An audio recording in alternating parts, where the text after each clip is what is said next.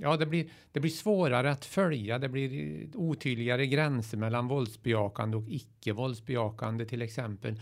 Eh, där betydligt fler då kan exponeras för de här budskapen och bland dem så finns ju de som, som då triggas och blir ensamagerande.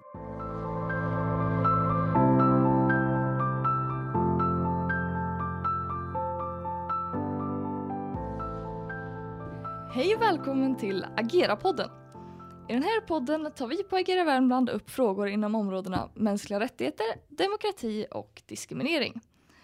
Eh, och med oss idag är Lars Kärnlöv, Hej! eh, Nine Karlsson Norman, god morgon, och Per Hedén. Hallå, hallå. Och jag som pratar här idag är Hanna Finell.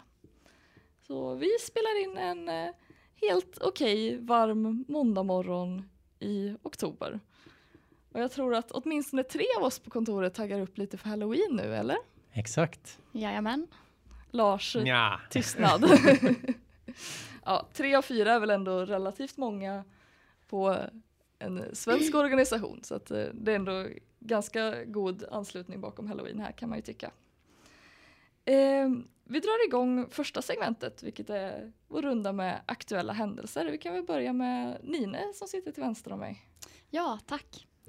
Eh, och jag har väl inte sådär eh, några särskilda spaningar kring något som har hänt eller så senaste veckan eller sen senaste podden. Eh, men nu på fredag så kommer vi ha ett möte med eh, Diskrimineringsombudsmannen, Antidiskrimineringsbyrån.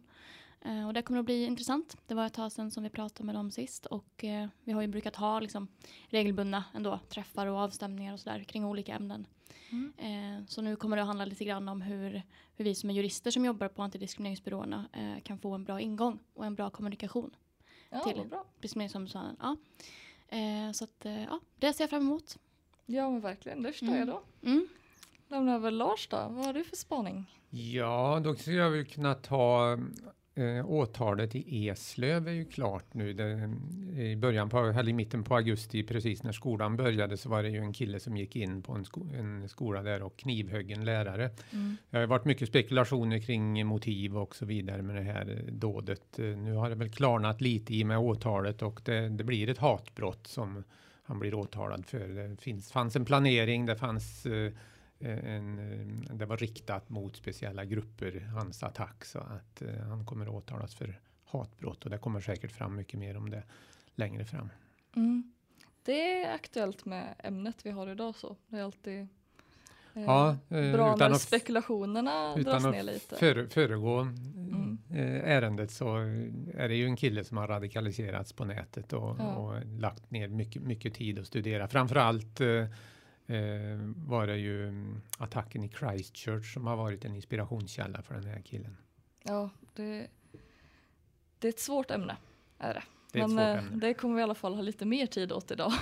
så vi inte behöver ta det på en sån här kort boll bara, för det är, det är inte lätt. Eh, per också då, vad har du tänkt för något till idag? Ja, först eh, tänkte jag bara nämna, alltså det är mycket som, som eh, händer för oss på Agera Värmland. Det är ju jätteroligt. Det känns verkligen att hösten är igång och att eh, pandemin eh, börjar gå mot sitt slut så att säga, i alla fall i, i i, i vårt perspektiv att vi kan ha fysiska utbildningar och fysiska möten och det är ju jätteroligt. Eh, I torsdags hade vi bland annat då ett frukostseminarium om eh, förebyggande eh, arbete eh, mot diskriminering i arbetslivet. Och idag ska jag och Ninne åka till Filipstad och hålla utbildning för fackförbundet Kommunal och så här. Så det, det är ju verkligen eh, igång eh, så på, på alla våra fronter. Så, så det, det är jättekul. Men det jag tänkte ta upp som jag har tänkt på var en, eller är en artikel. En ledarartikel eh, från Expressen eh, som jag också eh, nämnde för er här för, för någon dag sedan och, och tipsade om som jag tyckte var väldigt intressant och eh, bra. Det är Anna Dahlberg som har skrivit den eh, och artikeln heter då Medierna borde akta sig för att leka domstolar. Och eh, Anna Dahlberg tar upp här exempel kring eh, ofta fall gällande eh, migrationsdomstolen och så där som tidningar skriver om. Eh, och just det här att Eh, hon menar på att tidningar och eh, sällan kanske, eller det, det märks att tidningarna inte kanske har läst själva domarna utan man har läst utdrag ur domarna och rapporterar om det och sen så blir det väldiga eh, diskussioner och debatt, eh, ofta på sociala medier och sådär utifrån vad man har skrivit. Men att man ska liksom vara lite försiktig med det här. Då. Så hennes, hennes slutsats är ju någonstans att man måste också titta på domarna för att i väldigt många av de här fallen när det har blivit en väldigt stor uppståndelse, en allmän debatt och kritik så kanske det finns eh, goda, eller i alla fall finns skäl för hur domstolen har eh, har eh, tänkt då i, i de här utfallen som inte riktigt då får utrymme i själva medierapporteringen och det är ett problem. Mm. Just det här att det är, så, det är så lätt att vilja skapa intressanta rubriker som då människor kan hålla med om och tänka men gud vad förskräckligt, hur kan det vara så? Medan att skulle man faktiskt få domen förklarad för sig skulle man nog få lite mer förståelse för att det är inte så pass enkelt. Eh, och det här är ju något som också du tog upp i ditt blogginlägg eh, senast Hanna, fast då gällde det ju när det, när det är våldsdåd och sådär och hur vi är så snabba på att eh, fundera kring vem är gärningsman eller vilken sida tillhör gärningsmannen eller sådär. Och just när jag tänker på att det är så viktigt att vi hela tiden kommer tillbaka till tanken att stanna upp lite grann och verkligen eh, titta på vad är det som ligger bakom. För i väldigt många fall så finns det ju en rimlig förklaring till varför domstolen har agerat som den gör. Sen kan man ju ändå såklart vara kritisk till utfallet, men då får man ju fundera på är det domstolen som har gjort fel i liksom rättstillämpningen eller är det faktiskt lagstiftningen det är fel på? Så vi, vi borde kritisera eh, våra lagstiftare.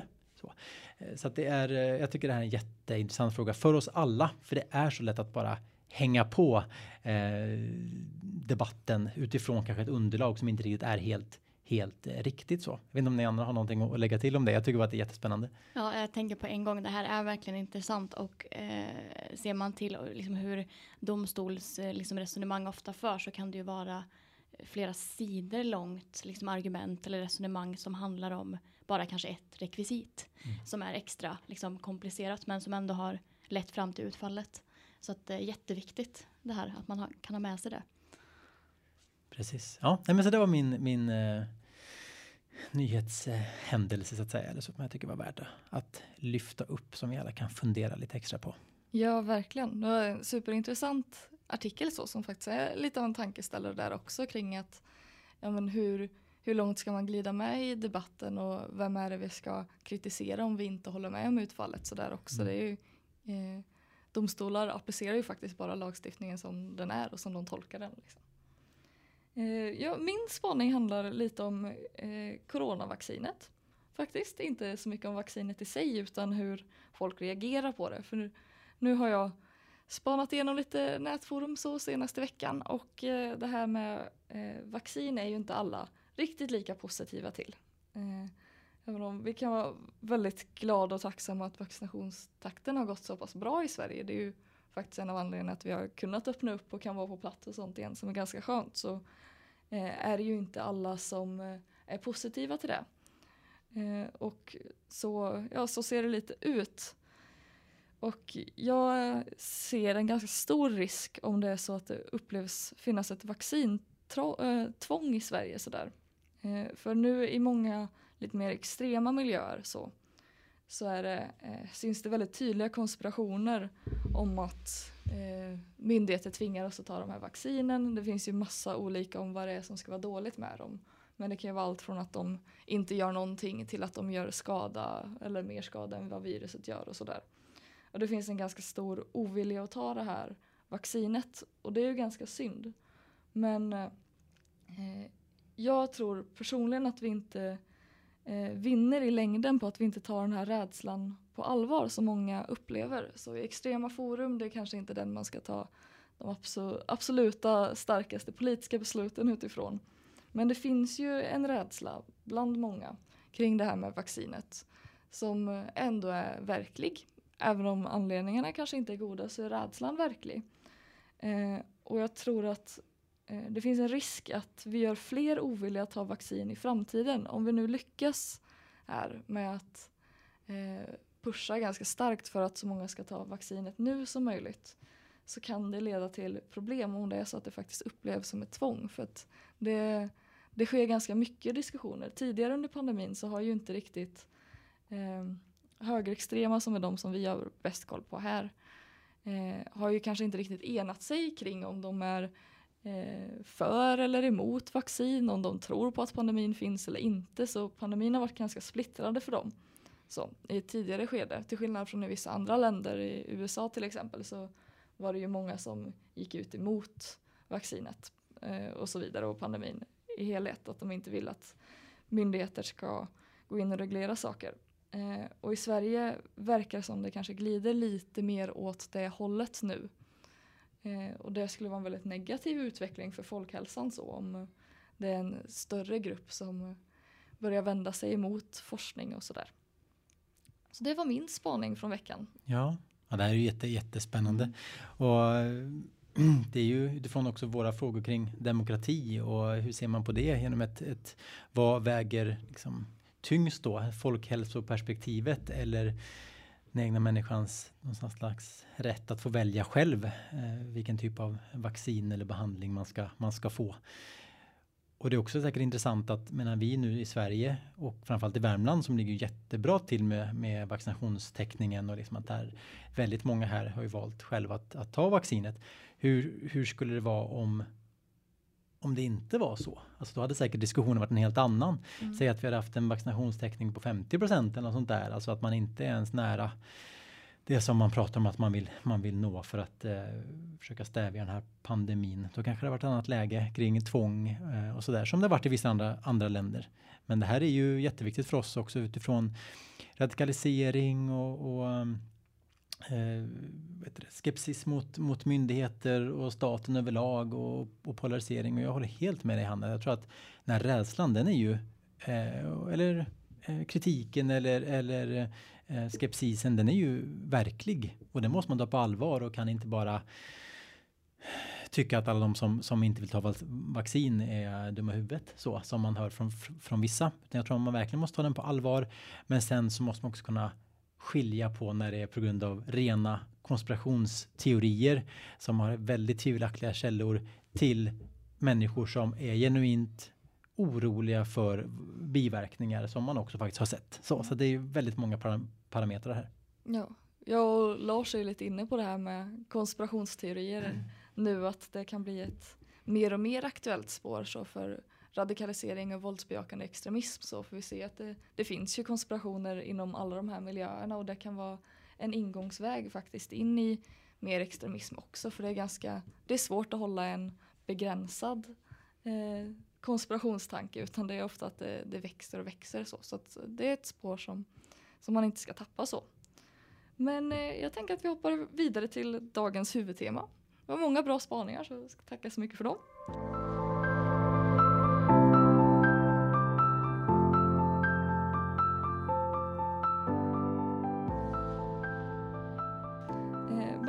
Temat idag är då eh, radikalisering på nätet. Eh, och ibland talas det ju om att personer, eller att internet gör personer mer extrema. Och att det, det finns ju människor som spenderar mycket tid online och kan då radikaliseras in i våldsbejakande miljöer eller åtminstone anamma våldsförhärligande åsikter. Eh, och dels handlar ju det här om personer som exponeras för propaganda från extremistiska rörelser och sen då väljer att gå med i organisationen.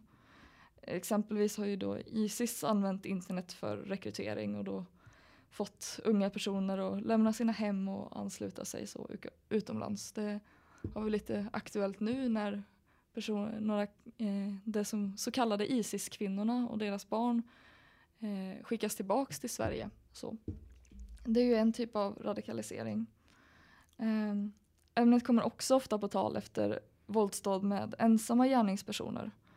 Eh, och nyss aktualiserades det då efter den tragiska händelsen i, i Kongsvinger som inträffade precis efter förra, förra poddavsnittet. Och det känns som att vi ändå bör nämna det. Men eh där spekulerades ju då mycket om internetradikalisering som det alltid gör efter våldsdåd. Men eh, där har vi ju nu när vi vet lite mer om det så verkar det inte som att ideologi har varit en av de främsta orsakerna bakom det dådet. Men som Lars tog upp i sin spaning så har det ju också nyligen väckts åtal mot den här 15-åringen eh, som misstänks för att ha begått knivdådet i Eslöv. Eh, och där spekulerades det också om radikalisering och i åtalet framgår det ju då att man tror att det, dådet har ett hatbrottsmotiv så det är väldigt sannolikt ändå att radikalisering är en av flera orsaker bakom det dådet. Så Det är ju aktuellt i Sverige nu faktiskt, ämnet. Um, den här typen av våldsverkare de kallas ofta ensamagerande. De allra kändaste i den kategorin är nog ändå fortfarande Anders Behring Breiviks dåd i Oslo på Utöja för tio år sedan nästan nu och Brenton Terrence i Christchurch 2019 som har blivit lite trendsättande nästan för mer eh, dåd med vit maktbakgrund eller liknande så. I Sverige då har vi våra egna välkända exempel med terrordådet på Drottninggatan som begicks av Rakhmat Akilov och det Anton Lundin Pettersson gjorde i Trollhättan. Så att det, det är något som tyvärr sker. Eh, sådana här hemska händelser drar ju av naturliga skäl till sig väldigt stor uppmärksamhet. Ibland är ju det på ett sätt som gör att det kan upplevas som mycket vanligare och som ett större problem än vad det faktiskt är i verkligheten. Men eh, hur ofta det än sker så är ju faktum att, att det faktiskt sker ett problem och radikalisering på internet är en del av det här. Så även om den överväldigande majoriteten av de som uttrycker sig extremt online inte faktiskt sen väljer att använda våld så kan själva uttrycken också utgöra ett problem för det kan ju bidra till att påverka andra och göra många otrygga och sådär också. Så jag tänkte vi pratar lite om det här idag. Ehm, och vi kan väl kanske börja med att diskutera vad on eh, online-radikalisering är för någonting. Jag bollar över till Lars, vad tänker du där? Ja, eh, eftersom allt finns på nätet nu för tiden så är det klart att radikalisering också finns där. Men det finns en hel rad saker som gör att det blir extra problematiskt när vi pratar om, om just radikalisering. Eh, dels så har vi ju alla alg algoritmer som börjar du att snurra runt på sådana här forum eh, kring eh, radikala eh, och radikaliserade åsikter, då snärjs du snart in i de här, för då får du erbjudande om andra sidor som Eh, har ett liknande material och så vidare och till slut så har du en liten internetbubbla runt omkring dig. Det blir, blir en ekokammare där du sitter och, och, bara ser samma sak och, och kanske och då förstärks också känslan av att ja, men det här är någonting som alla tycker. Det här är någonting som som eh, de, det stora flertalet liksom tar del av och i själva verket så är det kanske inte det. Sen så Uh, har vi också organisationerna som naturligtvis vill rekrytera Medan eh, också radikalisering på nätet innebär att, att organisationerna eh, eh, Ja, det blir, det blir svårare att följa. Det blir eh, otydligare gränser mellan våldsbejakande och icke våldsbejakande till exempel. Eh, där betydligt fler då kan exponeras för de här budskapen och bland dem så finns ju de som, som då triggas och blir ensamagerande. Man kanske tycker att det bara pratas om det här och ingen, ingen gör någonting och så bestämmer man sig.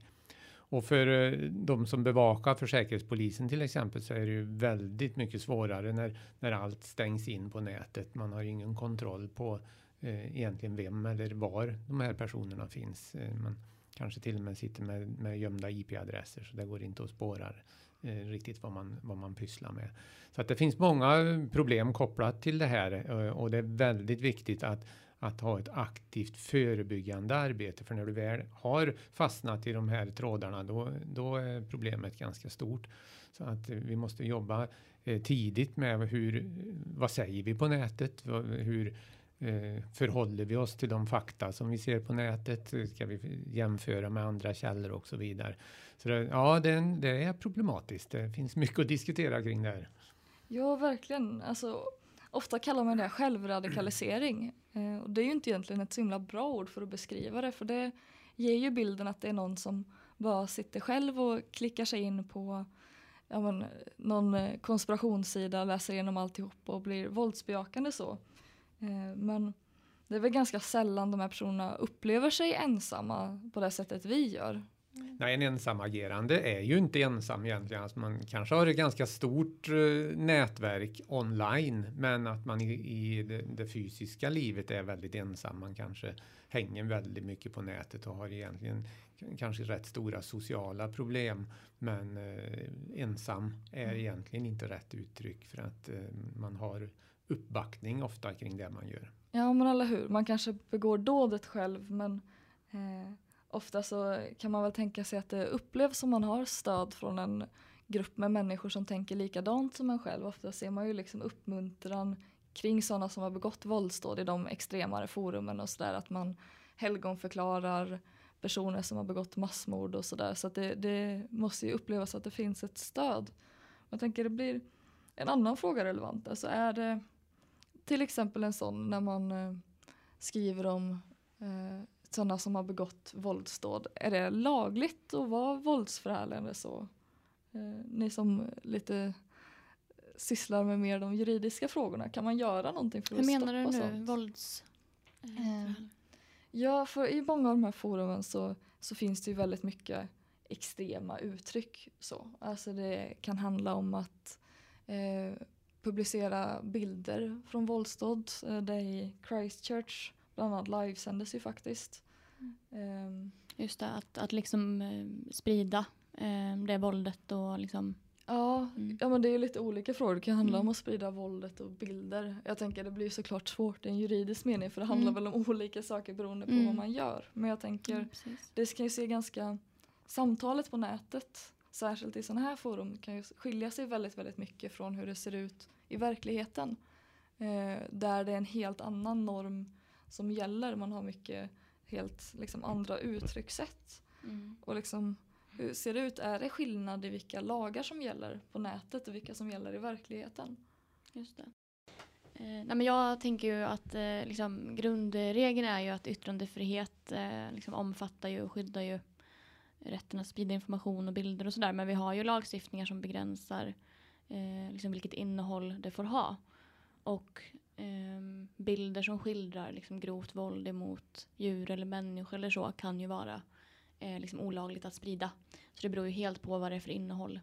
Eh, men sen har vi också brott som handlar om att liksom, eh, ja, men främja eller uppvigla eller uppmana till våld.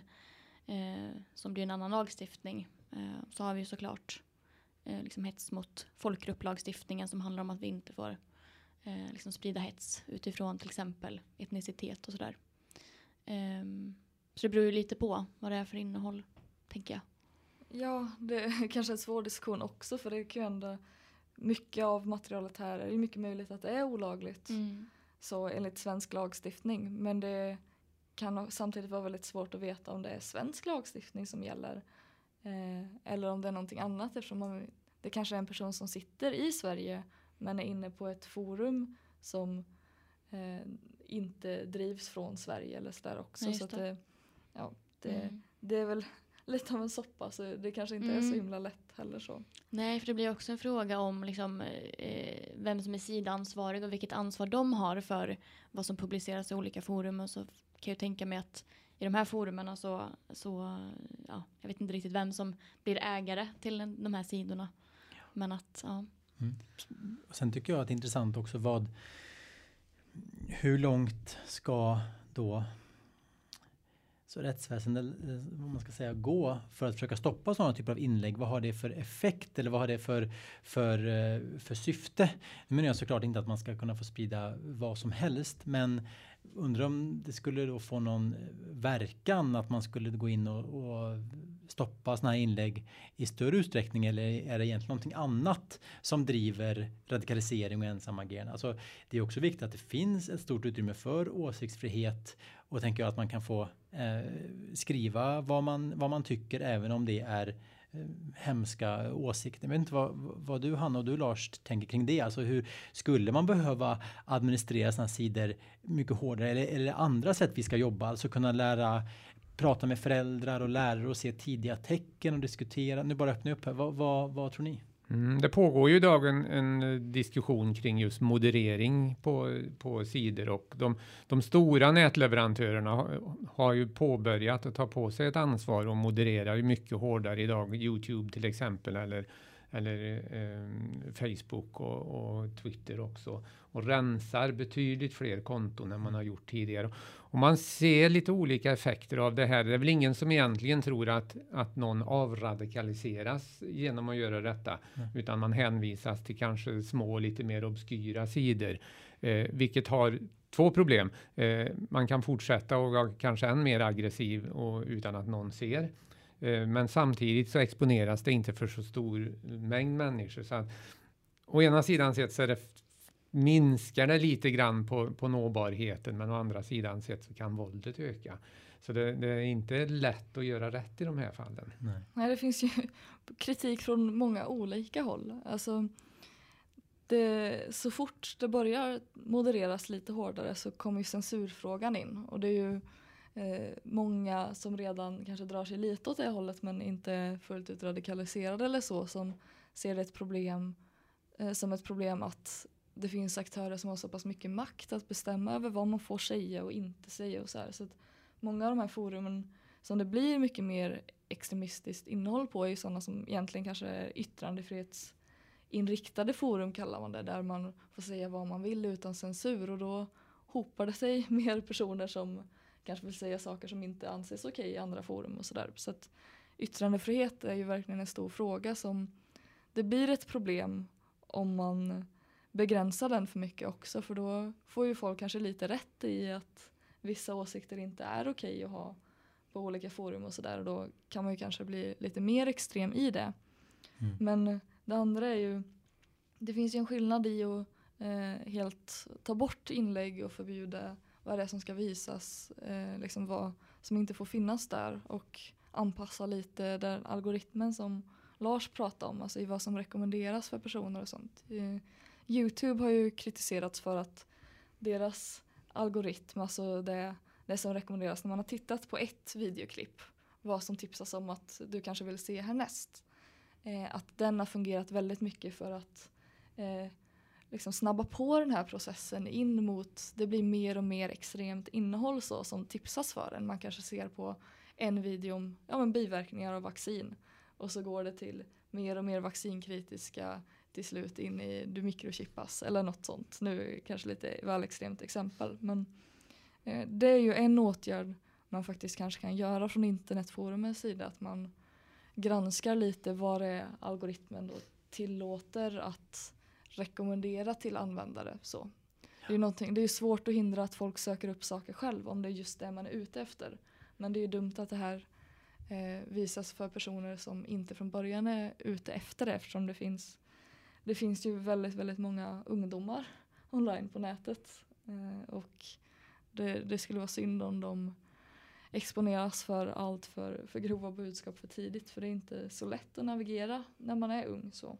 Nej, och det här är ju alltså en allmän diskussion också hos sociala medieföretag och andra medieplattformar. Hur långt ska de gå i att försöka behålla vår uppmärksamhet och stanna extra länge på deras sidor och se nästa klipp och nästa klipp och nästa klipp. För det är ju såklart deras mål så de kan sprida ännu fler annonser och sådär. Ja, Vi ska finnas längre på deras sidor.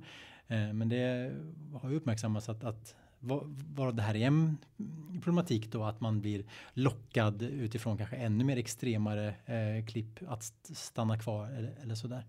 Så det är, en väldigt, det är väldigt bra att den diskussionen eh, kommer upp nu utifrån många eh, perspektiv. Men jag funderar också på det här kring, så här, men vi har ju nu eh, nätet på många olika sätt, alltså just att man har det mer mainstream, att man kan hitta eh, information på, på Youtube om kom, konspirationsteorier och så vidare och man kan sen hitta vidare på olika typer av, forum och kanske hitta gemenskaper och så. Om man nu tar det lite grann mer regionalt, om man här i, här i Värmland, ungdomar, finns det några sådana tidiga tecken som man kan se hos personer som, som eh, eh, kanske håller på att börja radikaliseras på nätet? Alltså man märker kanske inte så mycket eh, utåt i skolan att de eh, på något vis eh, ger uttryck för extrema åsikter eh, själva men Finns det något man kan, man kan vara extra vaksam på för att kunna upptäcka det här? Det finns ju vissa tecken, men det är också ofta tecken, alltså det är viktigt att man har en konversation då skulle jag vilja trycka på och inte att man ser de här tecknen och blir livrädd direkt för det, det är ofta saker som kanske är ganska normalt. Det kan ju vara att eh, allt från att man börjar spendera mindre tid med resten av familjen, alltså sitter mer inne på sitt rum. Det kan vara ett tecken men det kan ju också vara ett tecken på att någon blir en tonåring och inte vill umgås lika mycket med sina föräldrar längre.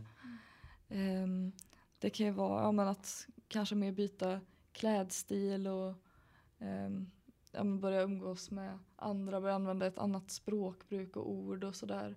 Och det kan ju vara bra att liksom försöka hänga med lite på, kanske som förälder eller lärare och förstå vad är det för ord ungdomarna använder, vad betyder det för dem och sådär.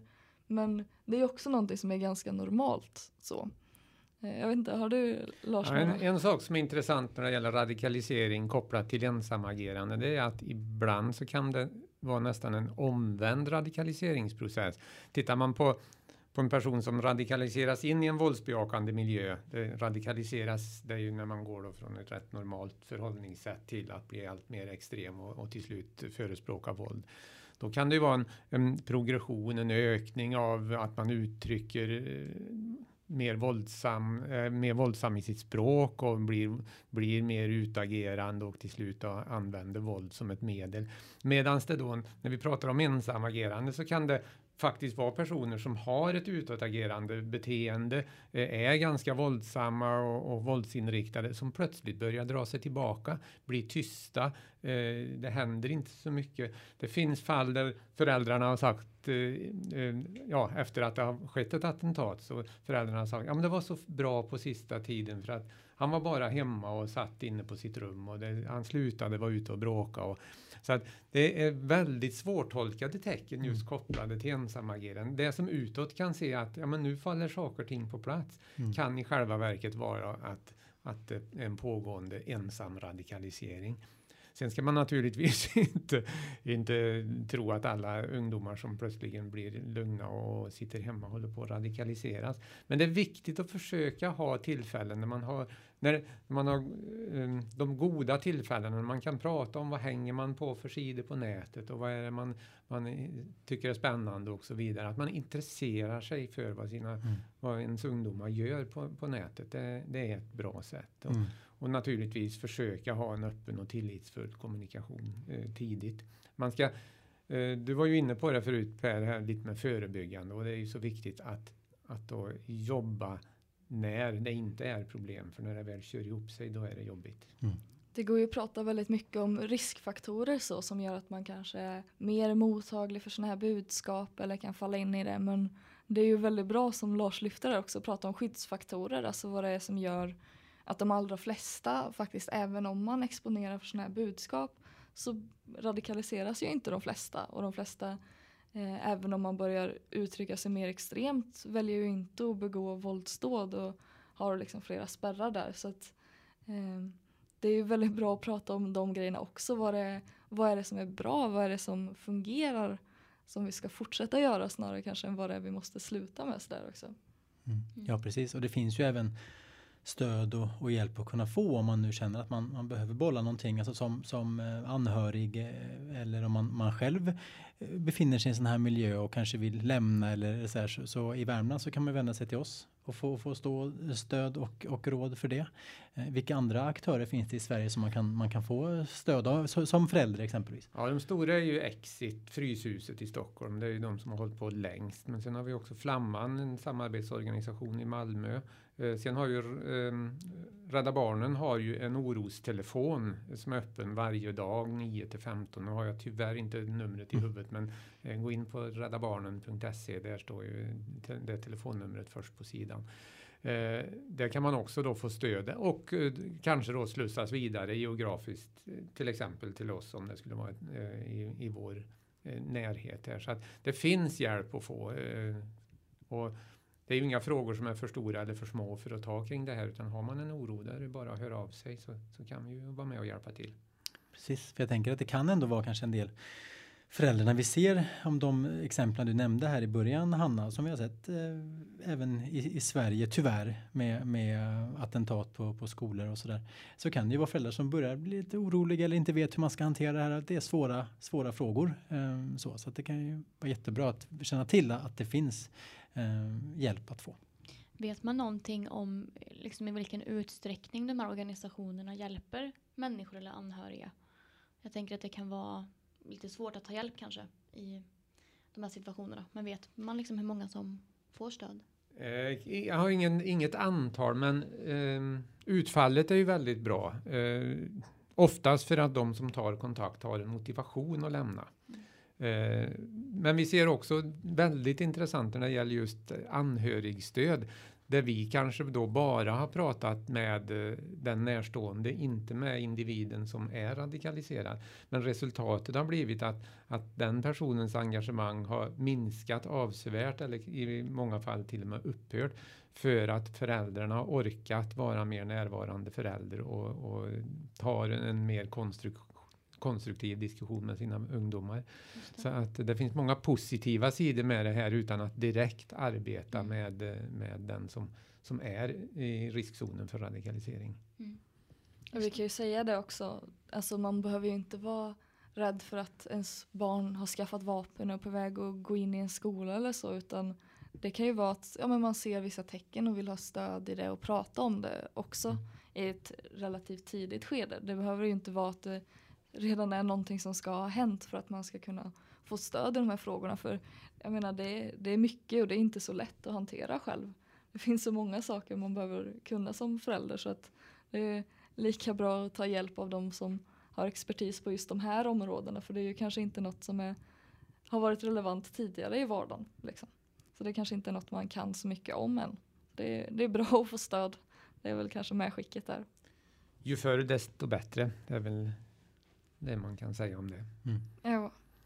Men då tackar jag för dagens samtal till er här och eh, tack till dig som har lyssnat. Eh, kolla gärna in Agera Värmland på sociala medier.